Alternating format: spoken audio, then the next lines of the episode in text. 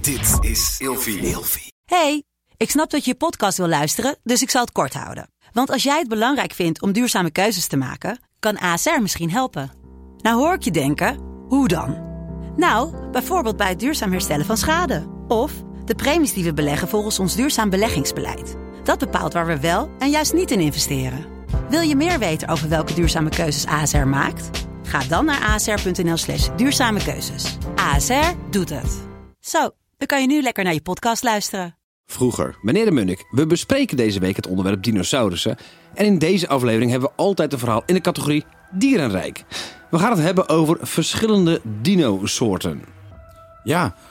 Nou, ik vind het, ik vind het wel. Ik wil van jou bijvoorbeeld weten. Wat vind je nou een toffe dinosaurus? Die van mijn zoon, die heeft, die heeft een, een, een dino-transformer. Die vind ik heel tof. Voor de Ja. rest heb ik, eh, ik heb geen idee. Nou, toevallig heb ik die van je zoon gezien. En Ja. die dinosaurus wordt een Triceratops genoemd. oh, die vind ik wel stoer. Omdat hij drie hoorns heeft zo. Ehm, die dinosaurus. Ja, dat is een plantenetende dinosaurus, die Triceratops.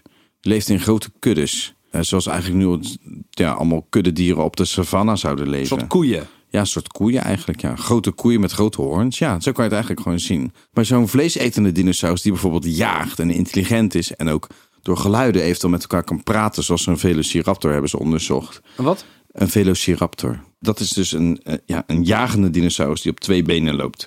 En dat worden echt gevaarlijke Een soort motherfuckers. struisvogel. Ja, een soort struisvogel, zo kan je het wel zien. En die worden echt gevaarlijk.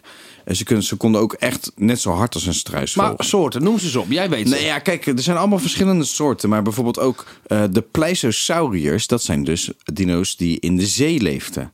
En wat ik dan weer interessant vind, is dat bijvoorbeeld Nessie, het monster van Loch Ness... Ja. Is een draakje toch? Nou, ze denken dat dat een pleisosaurier is. Dus een dinosaurus met vinnen, met een lange nek, die onder water kan leven. En omdat dat meer zo diep is, kunnen ze het niet vinden. Ja, maar dit is gewoon een mythe. Die hoort bij vrijdag. Eigenlijk is het gewoon een soort vis. Een soort lange paling. Ze hebben ook inktvissen van 20 meter doorsnee. Ja, reuze inktvis, die hebben ze sinds kort ook ontdekt. Wordt we- enorm, ja, wordt wordt wetenschappelijk onderzoek naar gedaan. Die zat laatst aan het net. Ja, klopt. Maar weet je, het is, het is ook het feit dat ze bijvoorbeeld oude houten schepen werden aangevallen door reuze inktvissen. Dat is dus misschien gewoon waar. Het is waar. Er zijn ook gewoon onderzeeërs die schade hebben ondervonden van onderwaterbeesten die wij dus nog nooit van ons leven hebben gezien. En grote schade, hè? Terug naar de dino's. Ja, Enorm veel soorten.